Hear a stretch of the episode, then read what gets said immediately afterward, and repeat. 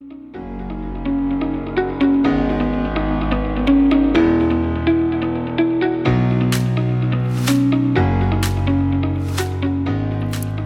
och välkomna till ett helt nytt avsnitt av Lifetalk-podden med mig Karin Haglund, kost och hälsocoach och min man Anders Haglund, transformativ mental coach. I den här podden får du svara på frågor inom personlig utveckling och mental hälsa. Hur du lever ett bättre liv helt enkelt, inifrån och ut och blir den bästa versionen av dig själv.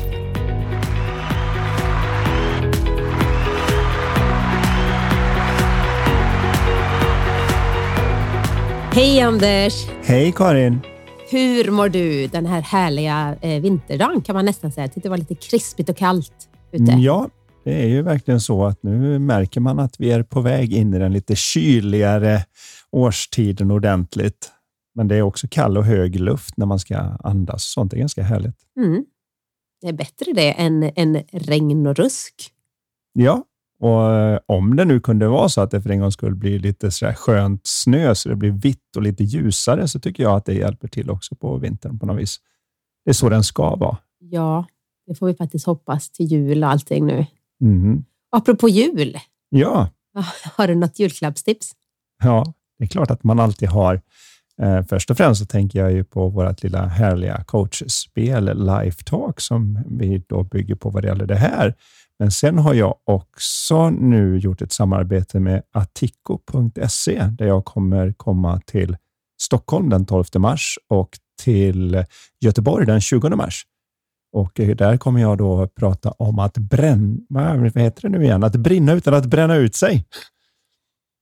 Och eh, hur man helt enkelt eh, lever ett liv med mindre stress, press och oro och mera välmående och glädje. Det är ju en väldigt fin julklapp till sig själv och till alla man tycker om. Ja, och så får man ju då chans att se fram emot det länge om det nu är julklappen. Det är ju någonting speciellt med att ha någonting där lite längre bort att se fram emot att då ska vi dit och göra det där. Du fyllde i år nyss. Då fick du någonting att se fram emot. Ja. Fast det är inte så långt kvar. Det var i mitten av december tror jag. Just det. Så det, det var stand-up med Magnus Bettner. Ja. Jag kommer ihåg rätt vad jag öppnade på morgonen där. Så det är alltid kul och eh, ett gott skratt förlänger livet. Och det är inte bara ett talesätt, det har ju vetenskapen dessutom bevisat. Att när vi skrattar och mår bra så mår också våra celler mycket, mycket bättre och vi åldras faktiskt inte riktigt i samma takt när vi är glada som när vi är Sånt stressade och pressade. Det nya anti-aging. Ja, det är otroligt populärt just nu det här med anti-aging och se om man på något vis kan reversera eller sakta ner sin åldrande process. Och för min del så handlar det ju kanske inte så mycket om att uppnå den där, vad de kallar escape velocity, när man, man minskar sin ålder mer än vad man åldras, så man nästan går bakåt och därmed ska slippa att dö. Det finns ju en annan sån här, jag tror det var Ray Kurzweil som är en av de människor som förutsäger framtiden och sånt där som gav sig in i det här tidigt och tyckte varför ska man behöva göra det? Men för mig handlar det mer om att leva den tid man har som frisk. Och fräsch. Ja. det hade jag, lägger jag till. Då. Alltså jag vill faktiskt inte, jag kan vara ärlig med det, men jag vill inte bli alltså jag vill bli gammal, men jag vill också vara frisk. Det är nummer ett. Mm. nummer två. det kommer det från hjärtat. Jag känner mig nu, men jag ser framför mig mig som liksom 85. Snälla, låt mig få se ändå en fräsching. fräsching på 85. Någon som ja. killarna vänder sig om efter stan på. det är det du Oj, tänker dig. snälla nu, anti-aging hackers, ni får uh, reach out till mig nu ja. och hjälpa mig. Jag är glad att det just är killarna på stan vill få vända sig om och inte din kära man här. Du kommer vara... Herregud. Så jag räknas inte för jag kommer vara så gammal menar du? Du kommer vara 99. Herregud Anders, 85, den här snygga bruttan du vet på stan. Ja, den snygga 85-åringen kommer med rullatorn. Det tror du alltså att det kommer gå Nej, så långt med? Det är ju ett av mina mål då att jag ska hålla du kommer inte behöva knän och leder och allt sånt där kommer, i form. Joggande. Kommer joggande efter menar du? Ja. I barfota skor. Ja, inte vet jag hur det där kommer gå till. Jag vet inte hur det spårade ut så galet. Men, eh, Gud vad härligt. Ja, men det var ju det. Ett gott skratt. Skratt för länge i livet. Ja. Gud, vad snygg jag blev nu. På någon stand-up. Ser du inte det här? Att jag bara blir helt... Ja, det är bättre det än minst... alla de här uh, olika behandlingarna som folk gör. Ja, men du ser minst fyra minuter yngre ut. ja. ja, herregud. Eh, nej, men, eh, okej, okay, julklappar pratar vi om och då ska vi ju, glömde jag att säga det, att man behöver säga att det var reklam. Ja, det, ja, det, det måste man kanske. Så det säger jag nu då. Ja. Men just Lifetalk, det är ju jättekul till exempel. Ni som är företagare och har ett gäng anställda och inte vet vad man ska ge de anställda i år så är ju det jättetrevlig present. Och ska ja. man beställa liksom fler än tio då kan man lättast mejla till mig sin order så kan man deala något litet eh, bra pris också om det är många. Ja, för det är ju ett antal företag som har beställt till hela personalen och så där och det har varit väldigt uppskattat. Till skillnad då om man ska säga till någon handduk med företagsloggan på eller något annat som man ibland gör. Men eh, det här ger ju någonting bestående och den här lilla asken som vi har gjort är ju väldigt dekorativ att ha stående framme också, så man kan ta ett kort då, då tycker vi som har designat upp den där så den ska vara snygg och Nej, fräsch då, som ditt 85-åriga jag eller något. Ja, ja. Precis. Man ska hålla över tid, mm. precis som jag. ja, precis så. Ja, herregud Anders. Var det någonting annat jag skulle säga? Eh, eller ska vi bara dyka in? Nej, jo, men jag vill också berätta för alla som, ja, ni som följer oss i sociala medier såg säkert att vi var iväg på höstlovet. Det var det jag skulle säga att ja. vi var i Spanien, i Marbella. Och ja, man hade en jättehärlig vecka. Mm, det är bara skönt att få vara så där i 22-23 grader istället för här hemma och få lite sol och ett miljöombyte. Och för mig så var ju också det här att vi har ju nu en 13-åring som är på väg in i 14 år. För honom är det nästan bara kompisar och annat som är det viktigaste. Och Det gör ju att man knappt ser röken av honom. Och nu när man då åker på semester och ska bo i en lägenhet, hela gänget, så är det klart att han har ju värsta abstinenterna för kompisarna de första två dagarna. Första två dagarna så ville han men, åka hem, men ja. sen så, så Sen upptäckte han att, vi i familjen inte var helt eh, kass att vara med ändå. Det var ju Nej. härligt att få på något vis återanknyta, för det är väl så med barn överhuvudtaget att de, de är nära ibland och så försöker de göra sig fria lite grann och så kommer de tillbaka och så är det en process där tills man till slut slår på helt egna ben. Mm. Vilket är med blandade känslor som förälder. För man både vill ha dem, men samtidigt att de väl ska bli egna Vuxna. personer som inte behöver sina föräldrar såklart. Men eh, det var väldigt skönt att få den lilla återknytningen där så att det kändes som att vi var hela gänget. Verkligen. Tyckte jag. Det var jätte, jättemysigt. Och då blev ju jag och du också så lite, oh, men gud, vi drar igång någon, eh, någonting i Marbella. Alltså vi kör ledarskapskurser dit. Ja. Ja, för det har, vi liksom, det har legat lite på, jag vet inte vad, sen pandemi och allting. Ja, det har, vi har inte kommit igång med det. vinterandan så har det legat lite på is. Det har det verkligen Vi har ju kört innan till alla möjliga ställen. Vi har varit på Madeira, vi har varit i Dubai, vi har varit på Malta. Marocko. Vi har varit i Marocko, vi har varit uppe i Nordnorge och dykt med späckhuggare och kört eh, personlig utveckling och ledarskap. Vi har gjort alla de här olika, men nu har det då med pandemi och annat så har någon anledning varit lite avstannande och vi har inte haft lika mycket planerat vi heller, på Nej. tal om att ha något att se fram emot. Och då var det lite kul att börja snacka om det. Att varför skulle vi inte kunna åka hit ner dit det bara är Ganska enkelt att ta 3 sig. 3.45 flygresa och någorlunda vettigt, men samtidigt så pass långt bort att deltagarna inte känner att jag måste ta tag i det här och åka därifrån, utan att man faktiskt är den här gruppen precis som vår familj var. Mm. Att man blir en lite tajtare grupp. Och Det har ju ett enormt värde. Jag menar, jag brukar ibland lite skämtsamt säga att bara det faktum att man får träffa de andra på kursen är värt hela avgiften och sen kommer jag som en bonus och pratar ett antal dagar om det här med livet och hur vi får ut det bästa ur oss själva och andra och allt det där. Men som sagt, jag har, jag har hittat ett ställe, jag får se eh, var vi landar. Men du som redan nu känner, men det här vill jag inte missa. Mm, det här fall, något jag säger inte att det blir, men vi, det är i alla fall i, i det stadiet. Och ju mm. fler som hör av sig och säger att ja, men det här är jag intresserad av, då är det lättare för mig att...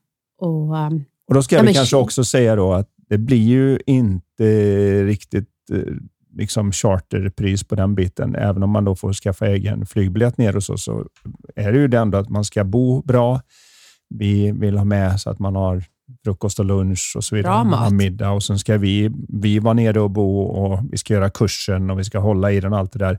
Så att det är ju lite exklusivt. Det ska man ju Men de flesta förstå tar ju det som avdragsgillt på kurs, alltså företaget, på ja, företag. eftersom man får med sig så mycket för sin egen produktivitet och även då stresshantering och annat. Mm. Så eh, det gör ju de flesta som har varit med. Men eh, det känns väldigt, väldigt kul att ha det att se fram emot. Förutom då, då att jag får chans att även göra de här lite större föreläsningarna med Attico eh, om att brinna utan att bränna ut sig här i mars. Så eh, ja, där har vi, Ja. har vi lite grann att Det fundera har ni på. att se fram emot. Mm, Mer precis. av Haglunds år 2024. ja. Eh, Men vi tar en fråga nu. Eh, Och den frågan som jag har fått in här, som jag valde att ta med i detta avsnittet, som du inte vet vad det är gäller. Nej, jag får ju aldrig se de där Men frågorna jag kan, i förväg. jag kan eh, spoila nu då att det handlar om kommunikation. Så Oj. har du några minuter på dig. Att eh, nej. Några minuter, Nej. hur lång är den här frågan ja, egentligen? den är lite lång, men jag ska Jaha. läsa den nu. Hej, ni pratar i ett avsnitt om att kommunikation är så viktigt och om att känslan man har efter en kommunikation säger någonting om hur bra den har varit.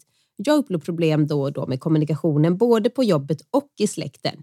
På jobbet kan jag ibland känna att någon uttalar saker nedlåtande till mig eller säger saker till mig som jag får mig att känna mig dum. Det är ofta samma personer som gör detta. Jag brukar ofta låtsas att jag inte märker att de är otrevliga och verkar oberörd. Jag blir faktiskt ofta så överrumplad att jag blir helt tom i huvudet på vad jag ska svara. Ibland känner jag mig lite rädd inombords också. Jag får också en känsla av att jag måste försöka visa mig duktig så jag blir omtyckt av dessa personer. När jag sedan kommer hem så kommer jag då precis på vad jag skulle kunna ha sagt till den personen. Och då känner jag mig oftast arg. Ibland funderar jag på hur mycket man ska tåla för att man ska få till en trevlig stämning. Måste man alltid säga ifrån? Hur viktigt är det ens? Ens egna mående att säga ifrån? Hur kan man lita på att det man känner är sant så att man inte är för känslig bara? Ibland blir även min pappa irriterad när han hjälper mig här hemma med praktiska saker. Det känns som han skäller på mig. Och jag säger väl tillbaka till viss del, men det känns inte bra för det händer inte mina andra syskon lika mycket som, som med mig tror jag. Jag var också mobbad i skolan och jag hade någon få kompis. Jag, hade all, eh, jag kunde aldrig säga ifrån till mobbarna då heller. Jag skämdes istället för att vara mobbad.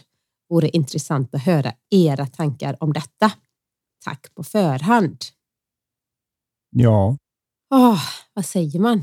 det var en eh, lång historia och man måste ju också säga så här att det som händer en i de här formativa åren, som till exempel den som är utsatt för mobbing, vilket är något av det värsta man kan bli, därför att vi är så sociala varelser att hela vårt jag vill vara i ett sammanhang och fungera ihop med de andra. Det är det man ser på till exempel då när man börjar bli tonåring och annat så blir det så viktigt att man passar in och att kompisarna tycker om en och att man inte står ut för mycket. Man vill stå ut lite för att vara lite special. Man vill inte stå ut för mycket så att man särskiljer sig för mycket så man kan fortfarande kan vara med. Så det är väldigt mycket samma mössor och samma skor och allt vad det nu kan vara som ska ta ihop teamet. Och att då bli utstött från det. Att du får inte vara med. Liksom. Det sitter ju benhårt igen och det kan också sätta då en tankeverksamhet som gör att även när människor inte alls menar det så är det vad jag upplever. Det ska man ju ha med sig om sig själv. Hon antyder ju att, Att det händer lite att det här är någonting som... att jag är inte helt säker på att det bara är att de är sådana. Det kan också vara att det är jag som upplever det lite värre än vad det är.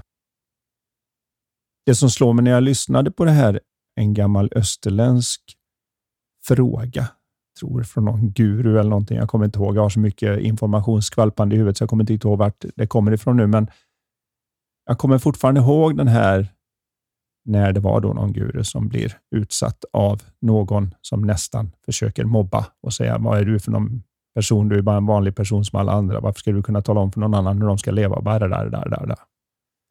Och när de har gjort hela den där harangen så tittar gurun på personen och säger om du kommer med en present till någon och så säger du varsågod och så säger den personen som du ger present till att nej tack.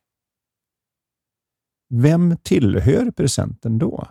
Ja, den är ju min såklart, säger den här personen. Så om jag då inte tar emot dina förolämpningar, vem tillhör de då? Mm. Och Det kan vara ganska bra att ha i åtanke. För här är en sanning och jag vet att jag har tagit upp den förut, men den är så väl värd att upprepa. De enda som är lite rädda för upprepningar är de som inte vill bli riktigt bra på det. Men vi som människor har ganska kategoriskt så är det så här att det finns ingen som har levt och ingen som nu lever, ingen som kommer att leva, som någonsin har sagt eller gjort elaka, jobbiga saker när de mår bra. Det är inte hur vi funkar. Man går inte omkring liksom på stan och känner sig nykär och härlig och liksom tittar på folk och säger skitstövel. Utan det är när vi själva är lite off som vi omedvetet eller medvetet får för oss att vi ska riva ner dem utanför för att må bättre själva. Vilket eller så är att, vi osäkra. Ja, det är fylld med osäkra tankar, men oftast är det bara att man har en väldigt, väldigt obekväm känsla i kroppen och det är då det kommer ut. Så att när en annan person säger och gör de här elaka sakerna ska man ju veta det att de mår inte bra just nu själva. De har inte det här välmåendet. De har inte den här bekvämligheten med sin egen tanke, utan just nu har de det jobbigt och det är därför de säger det. Och det kan ge en annan funktion om man ser att det är mindre personligt än man tror. Det är bara att man råkar vara där och det känns då väldigt personligt. Det är ju som man är i ett förhållande. Att när den andra personen säger någonting så tycker man att det måste handla om mig, för det är bara vi här. Men samtidigt har du förmodligen kunnat lyfta ut din partner i trafiken och de hade varit irriterade på någon som kör in framför dem just nu, för de är irriterade. Mm. De kunde stått i kön och den gamla damen framför började räkna upp en krona, två, jag vet inte om detta räcker. Och Står man bakom då när man själv är lite off, då blir man ju sur på tanten och säger kom igen, jag väljer alltid fel kö. Om man å andra sidan är på ett bra ställe så är det väl snarare så att man kanske vill hjälpa till och säga det gör ingenting. Jag kan ta de där sju kronorna som saknas bara så att du inte behöver lägga tillbaka saker eller vad det nu än är. Men det är en helt annan sak beroende på var jag befinner mig så att man förstår det att det är extremt tillståndsberoende hur jag reagerar eller svarar på det som händer. Och Just skillnaden mellan att reagera och svara är viktig här därför att om någon får en behandling på sjukhuset och de kommer ut och säger att de reagerar på den så är det nästan som man undrar, har du fått utslag eller vad har hänt? Är du allergisk mm. mot medicinen? Men om kommer ut, läkaren kommer ut och säger de svarar på behandlingen så kommer man andas ut och säga, åh gud vad skönt, så de kommer klara sig då. Och vi människor, när vi är ur balans så reagerar vi på det mesta. Det är som att knacka till någon under knät och benet flyger ut. Vi kan inte göra så mycket åt det. Och det blir hårda ord och det blir fel ord och det hamnar fel. Och när vi är i balans, svarar eller så kanske vi på det, det mesta. Blir, alltså en reaktion kan ju vara också, precis som hon skriver här, att, eller hon eller han, ja. eh, att man blir totalt överrumplad och inte svarar, inte säger varken ja eller nej eller någonting. Det är också en reaktion i ett så att säga, mera harmoniskt tillstånd, mer mental klarhet, så kan man ju svara. För det finns inga, vi kan inte säga här vad som är rätt svar, men den personen vet om det är rätt svar att svara eller inte, eller vad man ska säga. Om man så att säga svarar på kommunikationen istället för reagerar. Mm. För det gäller att komma ihåg det att när man säger ifrån, som hon undrar över, eller han undrar över. Hen. Hen, ska vi säga så då? Mm. Det är jag som alltid tillskriver något hon där ute i radiolandet eller poddlandet på de som lyssnar. Du ser framför dig, så här sitter det alla snygga tjejer och lyssnar på dig. Nej, det är inte riktigt vad jag tänkte. Eller så är det de där fräscha 85-åringarna kanske? Ja, men jag, jag, vet inte vad det var med den här berättelsen ja. som fick mig att känna att det var hon, men det kan vara helt fel att ut och cykla med. Alldeles oavsett så ska man komma ihåg det att när vi väl säger ifrån så gör vi oftast det för att nu är vi så där arga som hon är när hon kommer hem efteråt. Eller man tänker på det och det är då man känner att är det för mycket och nu måste jag ta upp detta. Eller, och så blir det en reaktion när man är lite för hård tillbaka och den andra personen klarar då inte av att ta emot det som någon form av feedback, utan de ser bara attacken och så känner de själva att de nu är avvisade och nästan lite mobbade i den.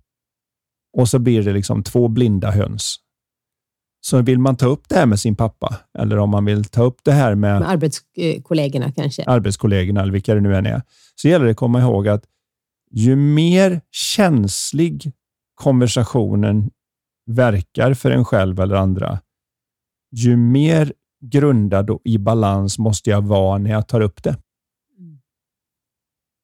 Den är riktigt bra. Säg det en gång till. Jag sa det, ju känsligare konversationen verkar för mig själv eller de jag ska ta det med, ju mer grundad i balans måste jag vara innan jag tar tag i detta. För annars åker man. Det, det är som en fisk som ser att det blänker till och tar tag i det där betet och så flyger man upp någonstans. Mm. Och så har man blivit fångad och så är man på torra land och där floppar man bara omkring och gör så gott man kan, men det blir inte bra. När man där är, konstiga metaforer som dyker upp här nu, men jag hoppas att den som lyssnar förstår vad jag pratar om. Att när jag vet att den här, nu ska jag ta upp någonting som kan vara känsligt, då behöver jag hitta mitt lugn och min balans och sen gå in och börja ta upp det och märka att jag tappar min balans eller att de andra tappar sin balans, då är det bättre att avbryta och säga vi, vi tar upp det här en annan gång när vi, är, när vi kan ta den. För så fort den händer så blir det väldigt snabbt pajkastning i det där. Men du då? Ja, men jag då? Men du har ju. Och så är vi igång. Så det, det, är så viktigt bara att se den här, att när vi då ska ta upp de här sakerna, speciellt om man kommer från en bakgrund där man vet att man är vad jag brukar kalla lite mentalt solbränd. Alltså om man har somnat på stranden och blivit väldigt, väldigt bränd i hyn, då är, man väldigt, då, då är ju lakanen är som sandpapper när man lägger sig den kvällen eller sådär. Och skulle någon stöta till den så blir det ont och då får man för sig att de har knuffat hårdare bara för det gör ont på mig. Vi kan ha den varianten även mentalt, det vill säga mentalt väldigt solbrända och känsliga. Det här märker man ju då, oavsett vad det handlar om. Det kan vara någon som kanske inte har kommit ur garderoben om sin sexualitet och så kommer det upp någon diskussion om det här och så reagerar man superstarkt och inser inte att ja, men jag är mentalt solbränd om det här. Det var inte att de var okänsliga och vägrade erkänna Nej, hur ska till hur exempel i det här fallet då, de här uh, arbetskollegorna, det kan ju hända, nu säger inte jag att de kan ju faktiskt säga, eh, för upplever den här personen det så, så är det antagligen någon mått av sanning i det mm. och det är ju inte okej. Okay. Det tycker Nej. jag att hon ska, eller han då, eller hen ska ta upp. Men det kan ju vara så att alla de här åren har man blivit mobbad och så vidare kan göra, precis som du säger, att den här personen är mentalt solbränd som gör att en helt vanlig kommentar som någon annan eh, inte hade tänkt kanske tycker på. det är rolig eller tycker det, alltså det kanske inte alls ligger någonting, särskilt inte från den personens sida, att det är i alla fall menat att det ska landa så. Det, alltså det kan vara, alla fall öppna upp för möjligheten att det kan vara så. Eller så är det vissa kommentarer som är så och vissa är faktiskt inte så snälla. Och då tänker jag också, den här personen skriver att jag vill så gärna liksom försöka då hitta ett sätt att bli omtyckt av de här personerna. Och då mm. säger jag, men herregud, vill man? Alltså, om det nu är så att de här personerna är, säger taskiga saker, kom, i, kom ihåg, det är lite som den här presenten, gurun. Det tillhör dem. Alltså, eh, lägg, dig, lägg hellre energin på vänner som du vill vara med än att försöka bli kompis med människor som faktiskt kanske inte är så himla trevliga eller är som du vill vara. Jag har gjort i början av karriären när jag skulle ut och föreläsa så hände det att man satt där, och så, eller satt, jag står ju ofta på scen, men och så har man kanske hundra personer, men så sitter en där med armarna i kors och ser lite avog ut. Och så är, I början kunde man nästan göra misstaget att man började föreläsa för den personen, för man ville så gärna vända dem. Så jag förstår den där känslan av att jag vill bli vän med dig. Mm. Varför är du sån? Gilla mig. Gilla mig? Vadå, vad har jag gjort nu? Liksom, varför sitter du och ser så sur ut ungefär? Och Jag har ingen aning vad som pågår, men det kunde bli då att man nästan föreläste för en person, fast det fanns 100 eller 200 eller 300 personer där, för man ville åt den där jäkeln. Mm. Och då tappar man alla de andra som var där för att få något bra. Och Vad jag märkte var då att nästa gång det hände, när jag väl blev medveten om det här, så körde jag grejen till alla de som såg ut som att de ville ha vad jag hade att erbjuda. Och ofta visade det sig att den där som satt där med armarna i kors och såg sur ut kom fram efteråt och sa det var banne med det bästa jag har hört. Och man liksom, wow, jag hade ingen aning vad du tänkte. Nej. Det var bara att han blev så fundersam. Eller fundersam hon... eller kanske ser lite. En del människor ser faktiskt lite sura ut. Det ja. beror på hur mun, alltså munnen går och allting. Eh, eller så är de bara osäkra och kanske känner sig sådär, åh här sitter jag längst fram, varför sitter jag på för, första raden här och tänk vad han tittar på mig, ja. den Anders Haglund, jag blir helt nervös. Sitter han på mig hela tiden? vad är det här? Eh, du vet aldrig vad som försiggår. Går i andra människor. Nej, precis. Och här är ju då ändå en sak som jag vill ta upp. Säg som det är. Mm. Inte värre än det är, inte bättre än det är, men som det är. Och gör det från ett balanserat ställe. Och Då kan man till exempel i ett sånt här, när någon säger någon sån här förfluten, förflugen kommentar och man själv då är medveten om sin bakgrund och annat, så kanske man ganska lugnt kan fråga att du, ehm, den där kommentaren, den, den tog jag åt mig som att du ville racka ner på mig lite. Var det, var det vad du var ute efter? Nej, herregud, nej. Det var ju, va, vad menar du? Så kan det ju ganska ofta vara. Mm. Andra gånger kanske det kommer fram att ja, men jag har varit lite sur på dig för du sa en sak och så kunde jag inte låta bli att ge tillbaka. För vi går omkring och hallucinerar så mycket om vad andra menar och så, men man tänker för mycket på vad andra tänker om en och de andra tänker lika mycket om det, så de tänker inte alls på dig. så Vi går omkring och tänker om vad de andra tänker så mycket så att vi aldrig tänker på att det är ingen som tänker på vad du håller på med. Bara det att vi inser att vi kanske inte är det centrum i hela universum som vi får för oss när vi går i vår egen lilla personliga sfär, som om allt handlade om oss. Istället för att ibland så gör bara människor vad de gör och så råkar de göra det framför oss. De kanske bara gick och tänkte på något annat som hade hänt. De gick omkring och tänkte, varför sa min fru eller make sådär till mig igår? Och så kommer någon och bara säger, vad ska jag ställa den här? Ställ den på hylla fyra bara.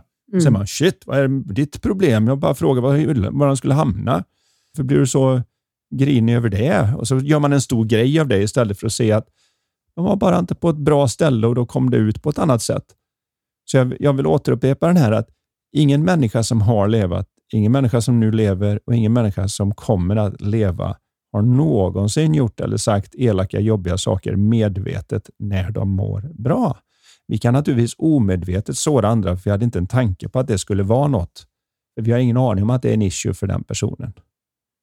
Det här kan ju hända hela tiden, men det viktiga är bara att gå tillbaka till den här att var i balans innan du tar upp känsliga saker. Mm. När du väl tar upp dem, säg som det är bara. Utifrån Försök också inte... sin egen verklighet. Just det, för det är det enda du har. Ja. Varför jag försöka ens gissa på det andra? Bara säg så här upplevde jag det, så här var det för mig.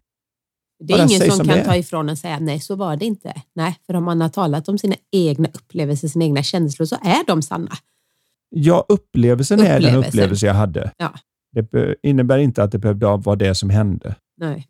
Men jag kommer ihåg, jag hade en tjej som kom till mig och var ganska långt fram i livet, men var oerhört osäker. Så till den milda grad att hon hade velat checka ut från livet ett par gånger. Och när vi väl körde lite sådär arkeologi som jag aldrig brukar vilja göra, men hon hade gått till för mycket terapi så jag blev tvungen att gå den vägen för att kunna gå någon annanstans. Men det var ändå lite spännande att se att det hela hade börjat med att när hon var liten så hade hon kommit in i köket glatt och trevligt. Hon hade då ingen aning om att hennes mamma var på dåligt humör. Det kan ha berott på att hon och pappan hade grälat. Det kan ha berott på att något hade hänt på jobbet eller bara att det var mycket i huvudet just nu. Vad det än var så kommer en glad liten tjej in i köket. Mamma håller på att fixa med mat. Glad liten tjej vill hjälpa till. Försöker hjälpa till, spiller ut en massa grejer och mamman tittar på henne och säger Men herregud, vad är det för fel på dig? Hon springer, hon springer iväg gråtande upp på rummet. Hon kommer fortfarande ihåg det här när vi väl börjar prata om det. Ligger i sin säng och allt hon kan tänka på är vad är det för fel på mig? Vad är det för fel på mig? Vad är det för fel på mig? Vad är det för fel på mig? Och den frågan satte sig där inne som ett litet hamsterhjul. Så att om då till exempel någon kille på stan vände sig om efter henne och log eller någonting, Tänkte så skulle inte... hon tänka, har jag en fläck på en jacka nu eller? För vad är det för fel på mig? Det är det enda skälet hon kan vända sig om och le. Hon var helt omedveten om det tills att ni kom ja, fram till Hon hade ingen aning om precis, att det, det var det bara så att ja. det, Alla vi har ofta sådana, man brukar kalla det för primära frågor, som ja. alltså man har det, det, är något som har så satt sig och som förälder tycker jag när man läser det så blir jag, det, oh, vad har jag satt för Liksom. Men, men, men man gör så gott man, Man kan. gör så gott man kan. Och det kan vara i liksom ett ögon... Men så, det är därför den personliga utvecklingen är så himla viktig. För att vi kan oavsett vad det är för saker vi har varit med oss i vår uppväxt, i våra alltså mobbare, vad det än har varit, så kan vi påverka från exakt just nu och framåt. Vi Ja. kan ändra det så att säga, vår egen eh, programmering i hjärnan. Vi kan så att säga, uppgradera vårt program. Ja, någonting händer när vi inser att det enda vi någonsin kan uppleva är våra tankar precis just nu. Ibland är de tankar vi har precis just nu om det som har hänt för ett år sedan, fem år sedan, tio år sedan eller för några minuter sedan.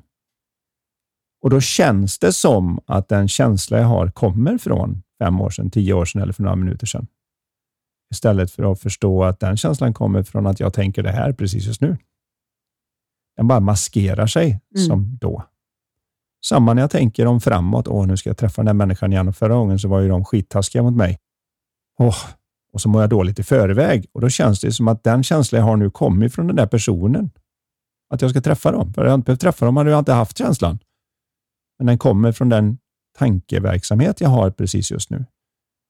Om man kan se det så slutar man att kämpa mot hela stora stygga världen och man behöver bara titta in och ha ett bättre förhållande till sin egen tankevärld.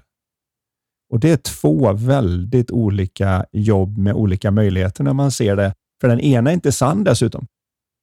Så hur mycket jag än fixar med den stora stygga världen så kommer jag fortfarande stå inför att jag mår som jag har mitt förhållande med mina tankar.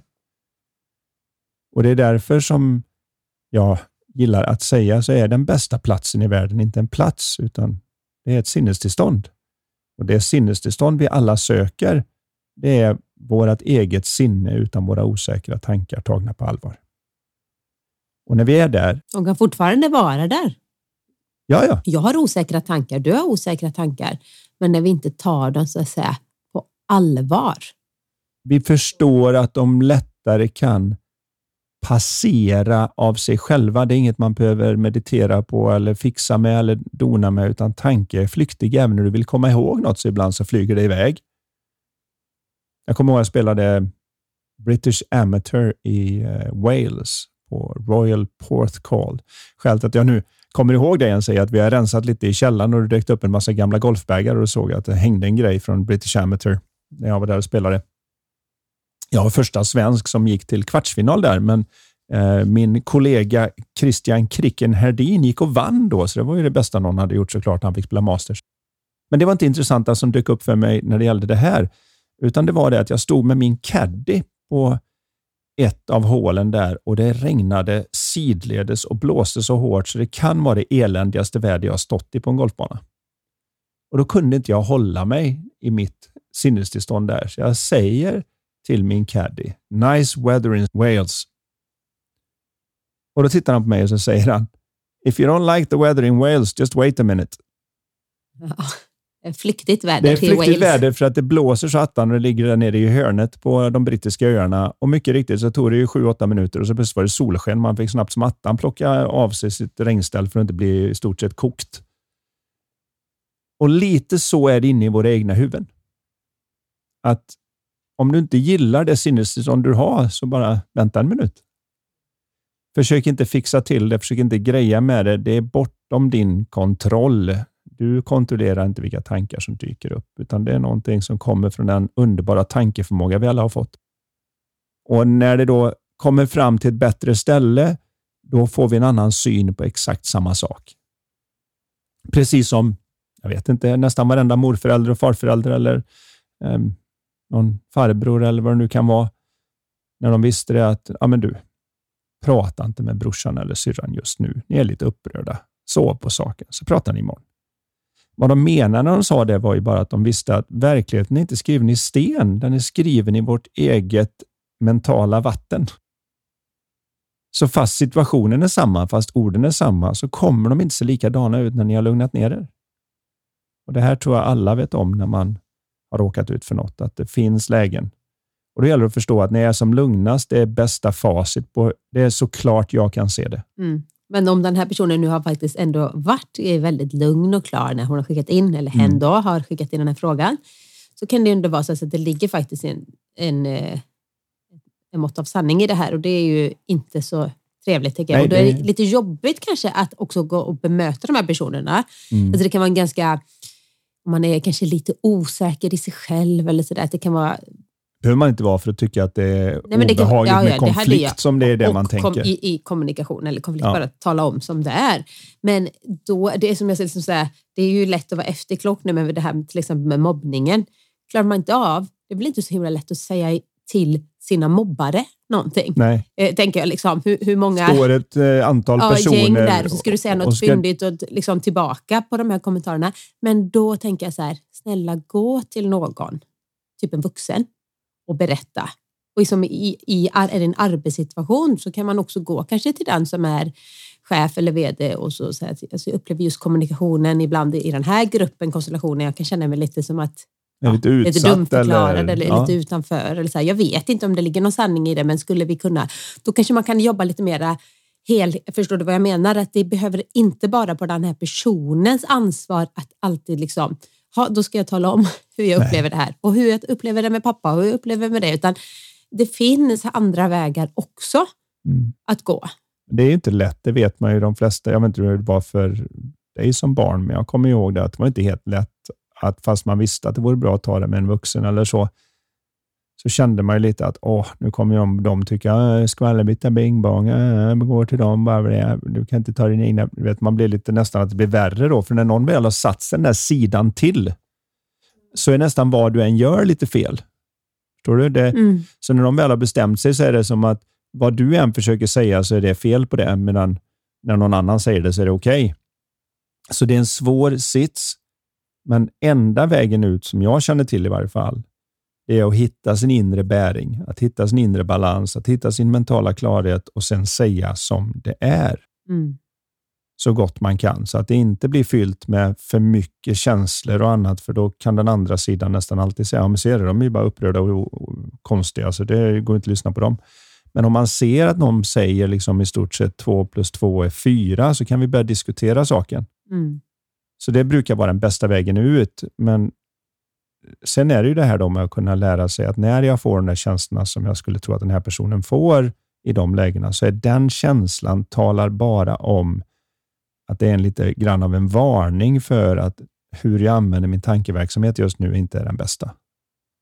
Det innebär inte att man ska förlåta någon. Det innebär inte att man ska eh, vika ner sig eller låta det passera. Det innebär bara att just nu ser jag inte riktigt klart jämförelse som jag brukar dra nu när man ändå kommer in här nu i den här tiden när man får börja skrapa rutor och annat är ju det att jag bryr mig faktiskt inte om hur duktig en människa är på att köra bil. Du kan ta Max Verstappen eller Lewis Hamilton eller vilka nu som de flesta tycker är de bästa förarna genom tiderna. Och så sätter du dem i en bil där rutorna är helt oskrapade. Så lovar jag, de kan inte ens köra ner i stan utan att krocka med något. Hur bra de än är. För om du inte ser något så hjälper det inte hur bra du är på att köra bil. Om vi däremot faktiskt skrapar rutorna så kan en ganska medelmåttig förare sätta sig i bilen och transportera sig själv lite varstans utan att behöva krocka med någon. Så klarheten trumfar skillsen varje gång.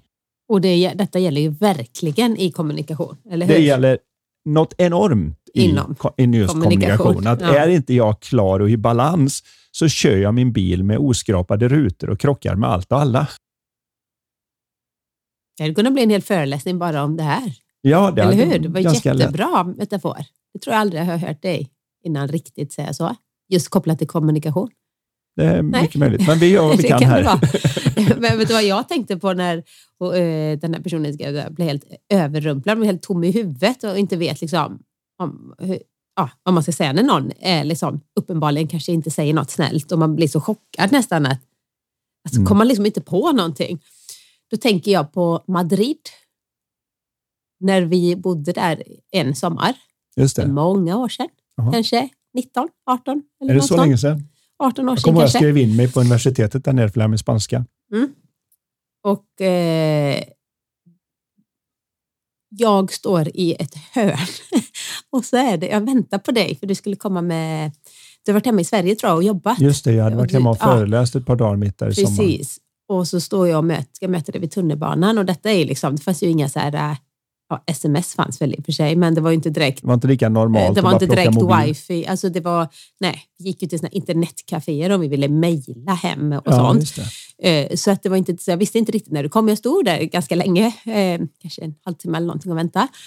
Och så stod, kom det fram en, eller stod en så här gammal, han ser ut som den här eh, yoghurtreklam, Just det, från Gubbarna. Grekland lite sådär. Ja, fårig i så ansiktet och kort. gammal. jättefårig, typ 90. Kanske, kanske. 85 fast inte åldrats så bra då om vi nu Ja, ska så gå kan det nog vara. tillbaka. Och inga tänder. och liksom, alltså, inget direkt så jag tänkte att oh, eh, det var en liten läskig person. Det är bäst att gå Bara några steg tillbaka. plurig, klurig En gubbe. En sån där yoghurtgubbe, du vet, Mm. reklam Ja. för eh, Kefir. grekisk, ja eller någonting. Ja, grekisk yoghurt. Eller turkisk yoghurt är det Ja, väl? ja. Turk, det är nog det jag tänker, en eh, reklam för turkisk yoghurt. Jaha, Men okej. ni, ni målar säkert upp någon liknande bild framför er. Och jag står där, helt plötsligt så står han och klämmer, alltså på riktigt lägger båda händerna på mina bröst och trycker till och jag bara, apropå att bli helt Paff. paff. Jag, alltså jag var så chockad liksom. Att jag kom inte fram till... Alltså jag sa Det ingenting. blev inte en kommentar, inte en örfil, inte en ingenting. kommentar, ingenting. Jag var liksom bara... Va? vad, vad hände precis? Och jag kom inte ens, nu kommer jag inte ens ihåg om han liksom stod kvar eller om han... Jag tror jag bara vände mig om och liksom typ flyttade hörn eller något eller gick ner och mötte dig eller... Nej men alltså, så att när man blir riktigt överrumplad då är det precis som att dö, dö, allting försvinner. Vad hände nu? Det här, det här funkar inte mitt, det här har jag aldrig varit med om. Nu vet jag inte vad jag... Och då kan jag efterhand tänka att, att jag inte kom på något att säga och tänker, jag hade kunnat det på spanska. Det hade ju varit något verkligen. Ja. Du får lära mig om det händer någon mer gång. Så du har någon snärtig kommentar för alla tillfällen att plocka fram. Ja, eller hur? Ja, ja. Men, men det, det är eh, lätt hänt i varje fall om man blir ställd naturligtvis. Och Det vi kan lära oss, tycker jag, är att när vi efteråt sen då kommer på vad vi kanske borde ha sagt. Det här gäller vd från, som har suttit i något styrelserum där de ganska omedelbart när de kliver ur styrelserummet kommer på vad de borde ha sagt och inser att om de hade sagt det hade det gjort skillnad. Skälet att det inte var tillgängligt för dem under mötet är ju inte att de har fått extra information tills de går ut och tvättar händerna på toaletten eller går över till sitt eget kontor eller vad det nu än är. Utan det är att de slappnar av och inte ska vara så himla smarta nu. Och då är det som att hela verktygslådan öppnar upp sig i hjärnan och så kommer jag på vad jag borde ha sagt. Om man inte ser att det är så vi alla funkar så är det lätt att man använder det som har hänt som en klubba och bankar sig i huvudet med istället för som en skola att lära sig någonting av. Så att man är snäll mot sig själv och inser att ja, men det är klart att jag inte hade några svar för jag, jag blev paff. Eller det är klart att jag inte hade några svar för jag var inte i till sinnestillstånd där jag mådde bra och var Jag mentalt klar och hade osäker. tillgång till mina resurser. Liksom. Men då är det lätt att jag efteråt dessutom kommer på tre, fyra kommentarer som jag borde ha klämt till med och då anklaga mig själv för att jag inte kom på dem i stunden som ytterligare då en börda. Istället för att se att nej, det är klart att just då så fanns det inte till. Nu kommer jag på det. Då kan jag köra dem som ett i minnet till nästa gång om jag har en liknande grej. Mm. Men jag kan inte göra så mycket åt det. Jag Alltså, det är det då. jättebra att man liksom reflekterar över det, kommer fram till någonting och som du säger, då har man det lite i backoffice, då vet man det. Nästa gång så kanske det kommer. Ja, Ja, och kan man då se svar. att det berodde på den där att jag inte var så mentalt avslappnad mellan öronen och det var därför jag inte hade det tillgängligt. Det här har alla varit med om. Säg bara en sån enkel situation som när man är på ett party eller någonting och så säger man till de andra liksom att ah, du, du, du, han, vad heter han nu igen? Så säger man, vilken han? Han, han, du vet, han i den filmen. Han är ju jättekänd. Vilken film? Om det ska hjälpa till. Det låter till- som något jag, ska, Ja, som jag och så- säger ganska ofta. Och så står man där liksom och tänker och tänker och till, till slut säger, ger man upp och säger du, jag må, vi, vi får ju slå upp det här på internet eller någonstans. Jag måste, jag måste komma på det här. Och så av någon anledning så bara det låser sig och det, det går i glömska. Och så två dagar senare står man i, i duschen och liksom äh, Mel Gibson. Och så tänker man, var kom det ifrån? Så är det hjärnan som säger, om du skickade ut en fråga om vad heter han i den där filmen som du menade Braveheart, fast du kom inte på det då. Och du menade Mel Gibson, fast du kom inte på det då. Men eh, sen har jag väntat lite grann på att du ska vara i rätt tillstånd och du verkar vara väldigt avslappnad här i duschen, så varsågod, här kom svaret. man har skickat en sökare och så två dagar senare kommer svaret, eller två timmar senare kommer svaret, eller när du nu är. Eller när du sitter i en konversation och tappar tråden och man liksom, vad var det jag skulle säga? Och så, nej, jag vet inte. Och så fortsätter man prata och så tre minuter in när man slappnar av igen så, boop, så kommer man på, just det, det var det jag skulle säga. Mm. På samma sätt funkar det här. Och istället då för att banka sig i huvudet över att vi funkar som människor ska, så ser vi att när vi är en av åtta miljarder på den här planeten, vi funkar exakt likadant. När vi är i balans så får vi fram vårt bästa och när vi är osäkra, ur balans, känner oss pressade, stressade och oroliga, så är det som att våra resur bästa resurser är inlåsta med Fort Knox-kod. Det känns omöjligt att komma på någonting vettigt. Mm. Men man kan åtminstone titta i rätt riktning och titta mot att okej, okay, hur kan jag vara mer avslappnad i den situationen nästa gång? Så att jag får mina automatiska grejer istället för att försöka tro att jag ska komma ihåg själva svaren. Jag vet inte, vi har, vi har pratat om väldigt mycket olika saker här, men jag hoppas Inom att hen då har fått ut någonting av detta Och vad det gäller. alla andra som är intresserade av detta så viktiga ämne. Och jag vill gärna skicka med att vi kan inte styra andra, men vi kan styra oss själva. Och den viktigaste personen vi någonsin pratar med är oss själva, 24 Mm. timmar om dygnet. Och Jag vill också skicka med det här att bara för att andra är lite tuffa mot en eller andra kan verka säga dumma saker, så ändrar inte det på sanningen att du har aldrig fått en annan människa att må bra i onödan. Så vi kan bara göra våran del för det. Sen är vi mänskliga och ibland så utan vår egen vilja så gör man något som sårar eller så vidare. Det, då får vi be om ursäkt så gott vi kan. Vilket också blir mer tydligt och mycket enklare när vi är mentalt klara. För det just det. Alltså vet du vad? Det Jag måste bara fel. faktiskt eh, ja, ta upp det här för det här blev jättefel och jag känner mig jättedum. När man säger återigen som det är och utifrån liksom upplevelsen. Så mm, vad fint. Eh, då tar vi i alla fall en till fråga. Vi ser om vi hinner med två eller en. Men här kommer nästa fråga. Hej Anders och Karin. Jag har varit intresserad av personlig utveckling i många år. Jag älskar att djupdyka i böcker, poddar och gå på kurser. Har dock inte ännu varit på någon av era kurser eller föreläsningar, men det står på mållistan. Det är himla tur nu då att det Mm. finns möjlighet för det Ja, här det. i 2024. Ibland känner jag dock att det blir för mycket jobb och som att jag komplicerar det hela lite väl mycket. Vad innebär det enligt er att sätta mer realistiska mål inom personlig utveckling? Alltså att hitta en lagom takt att förändra, förbättra så att man kan implementera det i sitt vanliga liv också. Inte bara lära sig och lära sig och förstå en massa nytt utan att det faktiskt blir skillnad också. Det vore intressant att höra er prata om detta och tack för en bra podd. Tack för en bra fråga. Ja, för det här tror jag att väldigt många känner igen sig i och även för min del då.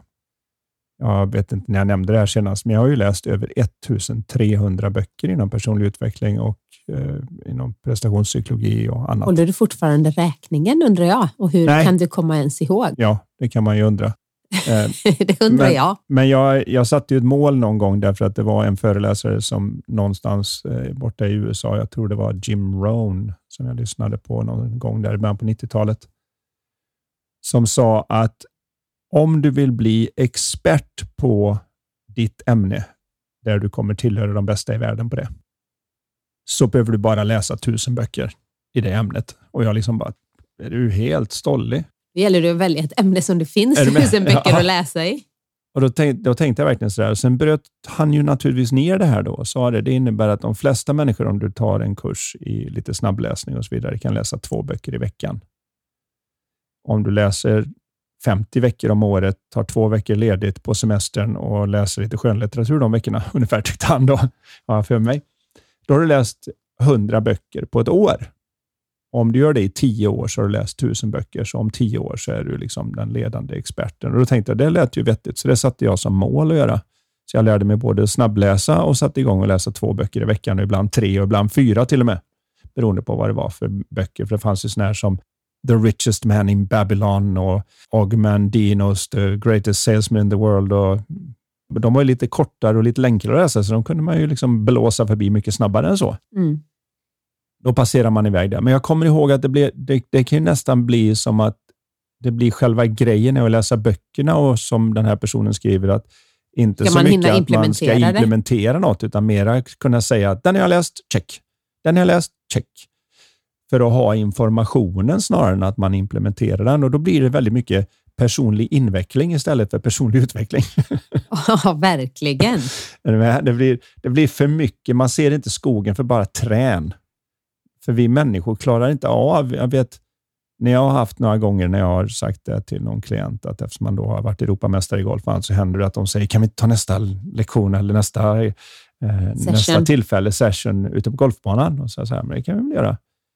Och så håller vi på en timma och så på den tiden har jag i stort sett bara berättat för dem hur de ska hålla vänsterhanden på klubban. Och så blir de lite förvånade tycker jag, men jag trodde liksom att du kunde det här. Liksom. Ja, jag vet. Jag hade väl kunnat överväldiga dig med vinklar, um, bollhastigheter, spintal, armbågar hit och det ena och det tredje. Och då hade du tänkt, gud vad du kan mycket, men du hade ju varit helt förvirrad och spelat sämre efteråt. Nu har vi i varje fall lagt ner det här tills du vet hur man håller vänsterhanden, för det enda som har kontakt med bollen är klubban och det enda som har kontakt med själva klubban är dina händer. Och vänsterhanden är den som dras ut i läge när man sätter fart på det av centripetalkraften, som det faktiskt heter för mig som ingenjör och inte centrifugalkraft som en del säger. Va? Heter det inte centrifugalkraft? Nej, det, man tänker det för Fast att det är kan centrifug. man inte säga så? Jo, eller? alla ja, vet vad okay. man menar, men om du ska vara ingenjör så heter det Ja. centripetalkraft och inte centrifugalkraft. Oj. Ja, strunt samma. Är gammal, gam, gammal skåpmat det också, från ja. när man gick på universitetet. Spelar inte så stor roll. Men då dras vänsterarmen är den som dras ut i rakt läge och därför påverkar var bladet är mest, beroende på hur man håller den.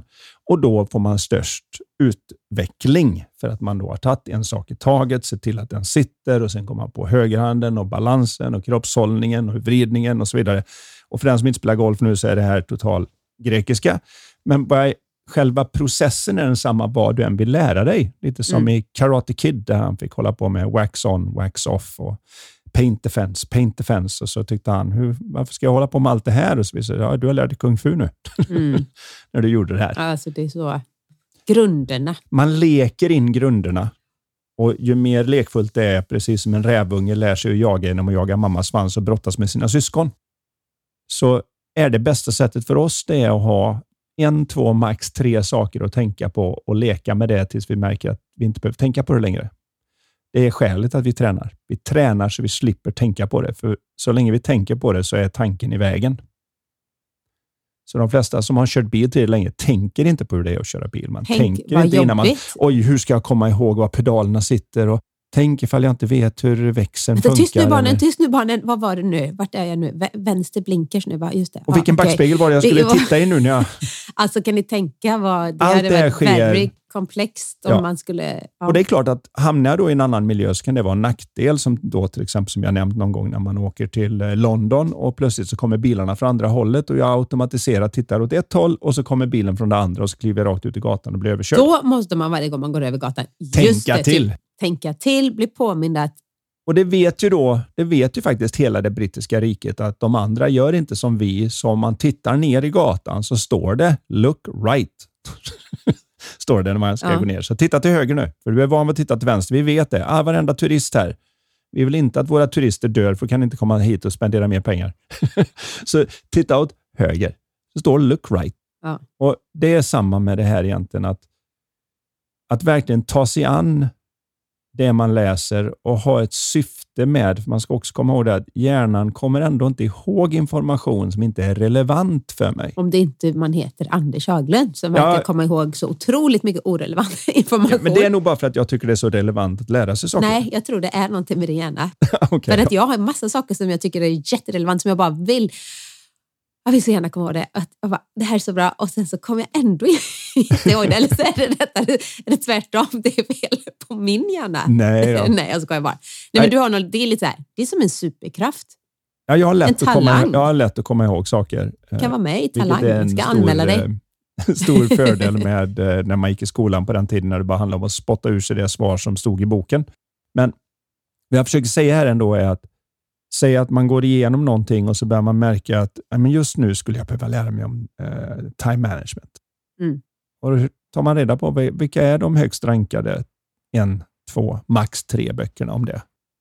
Och vilken och så känner jag läser, mig dragen läser man och till? gör, ja, precis. Och så läser man och gör anteckningar och så går man in och leker med det just. För nu var det relevant för mig. Jag behöver få en bättre struktur på den biten.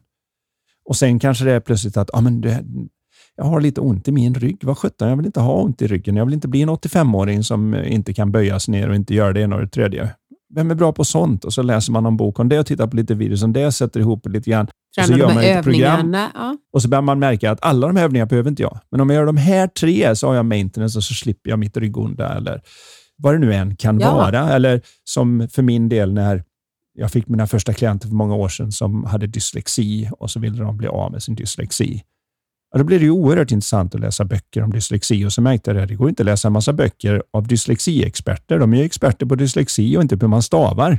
Man måste hitta någon som är duktig på att stava och så började jag inse att det fanns folk som både snabbläste och visste vad de hade läst och var jätteduktiga på att stava och de har också skrivit böcker och de finns. Ja, då läser man om det och så talar man om för de som har dyslexi, vet om att de som är bäst i världen på att stava och sånt, de tänker så här om det. What? Det har ingen lärt ut i skolan. Nej, jag vet. Och så när de hade övat på det en stund så var de bäst i klassen, för det var ingen annan som hade reda på hur det var. Det här är ju väldigt spännande, men det är just att det blir då drar man ju till sig den här informationen och man kan Som inte sluta läsa för det är relevant just nu.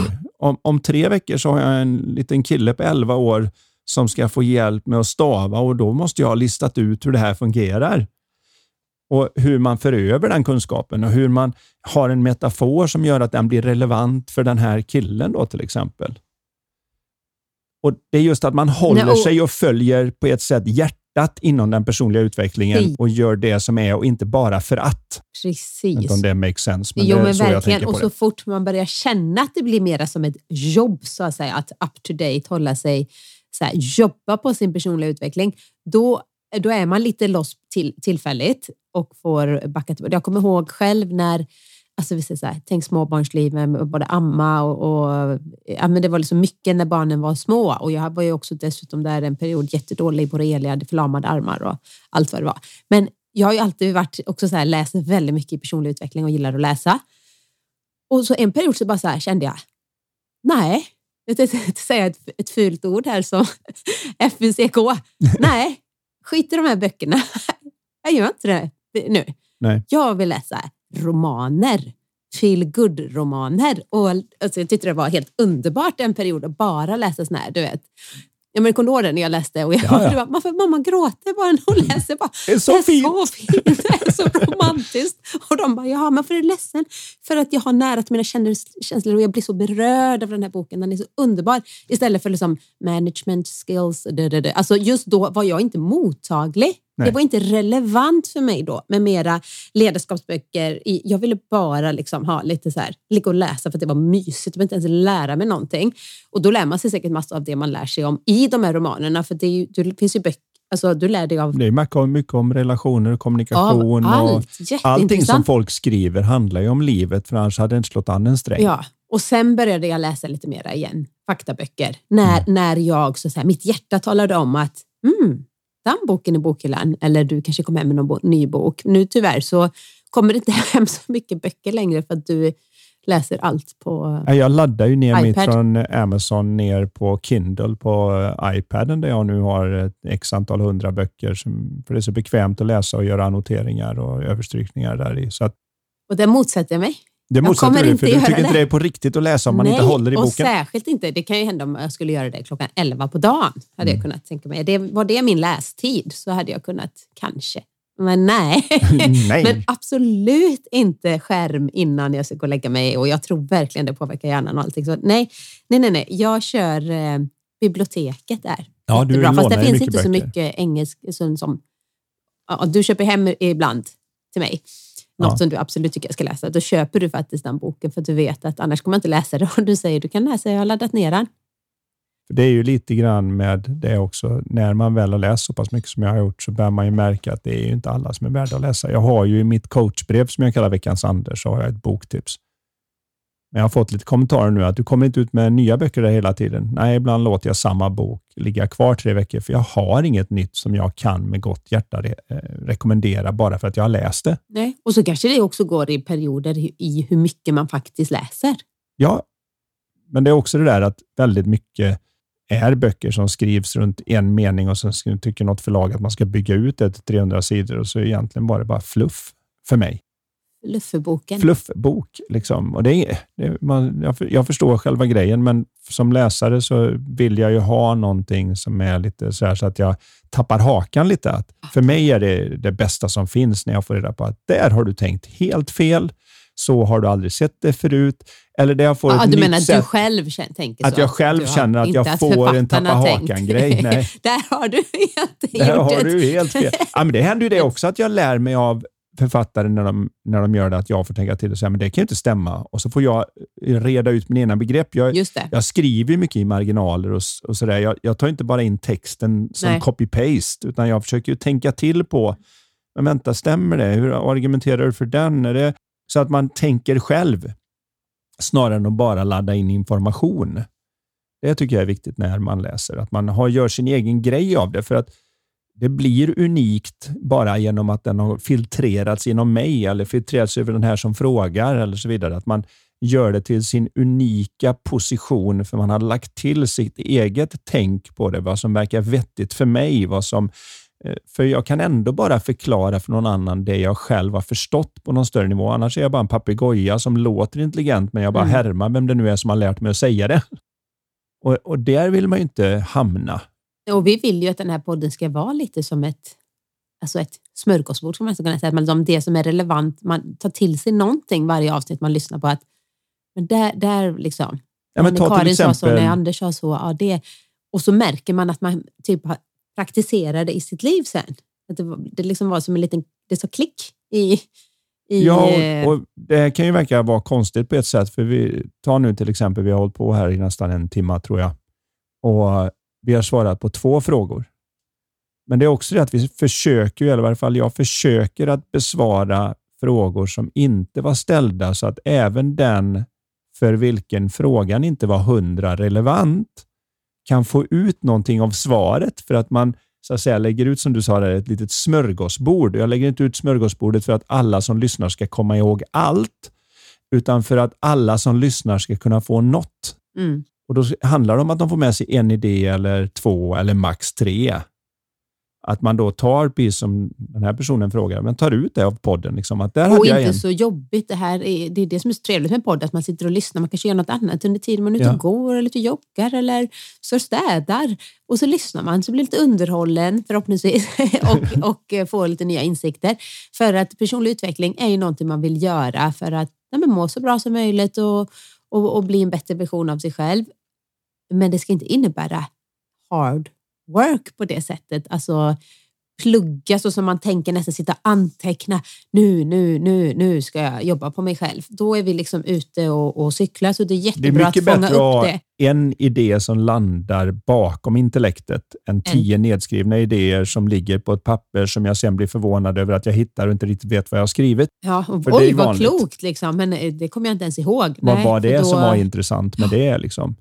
För mig handlar det just om att få den här lite tappa haken-grejen, när man ser någonting man inte riktigt har sett förut.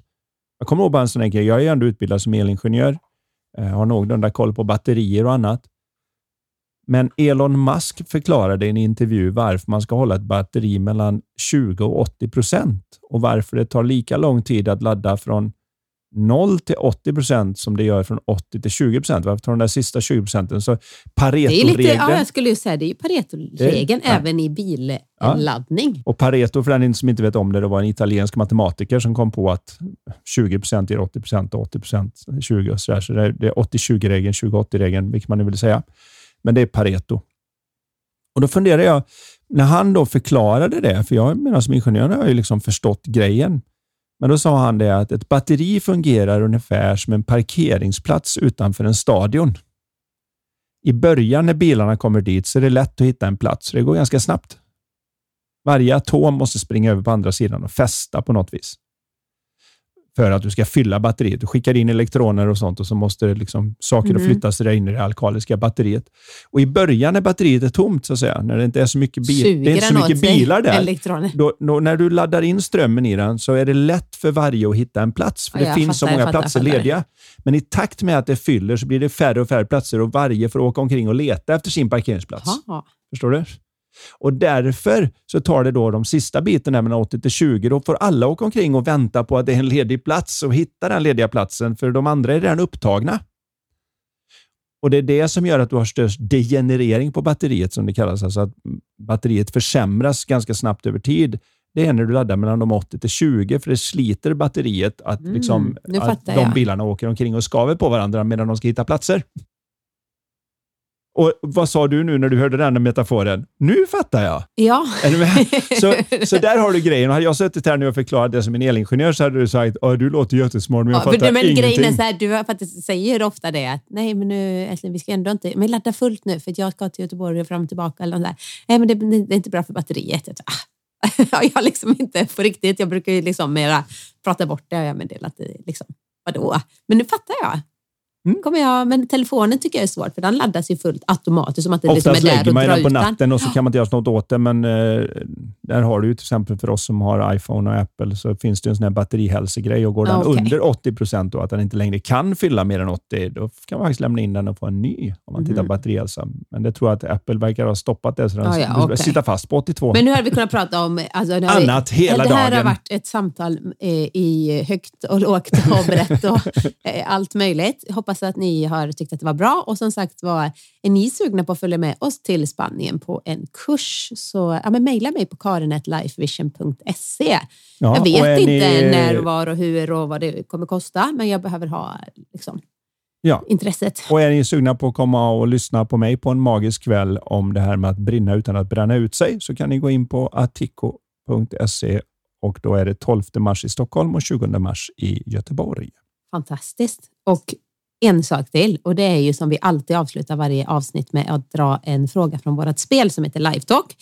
Och nu är det så här. Det här är lite spännande. Om du skulle välja ett djur som representerar dig bäst, vilket är det? Det är lite roligt. Jag gillar att springa efter bollar så mycket så jag får vara en hund. Är det en hund eller men jag tänker mer det som ett lejon på något sätt. Och jag vet vad du tänker att jag är för djur. Men jag vill inte vara det djur. Så jag tänker ändra mig. Jaha. Okej. Men det är ju det som personlig inveckling är till för. Nej, jag att ut- försöka vara något annat än vem man är. Okej. Så kaninen Karin eh, Haglund säger nu hej då till er. Så fick ni reda på vilka, eh, vilket djur som Anders tycker att jag är. Ja, du är så söt. Ja, men tack eh, för det. Ja. Vi hörs igen om två veckor. Ha det så bäst tills dess. Hej.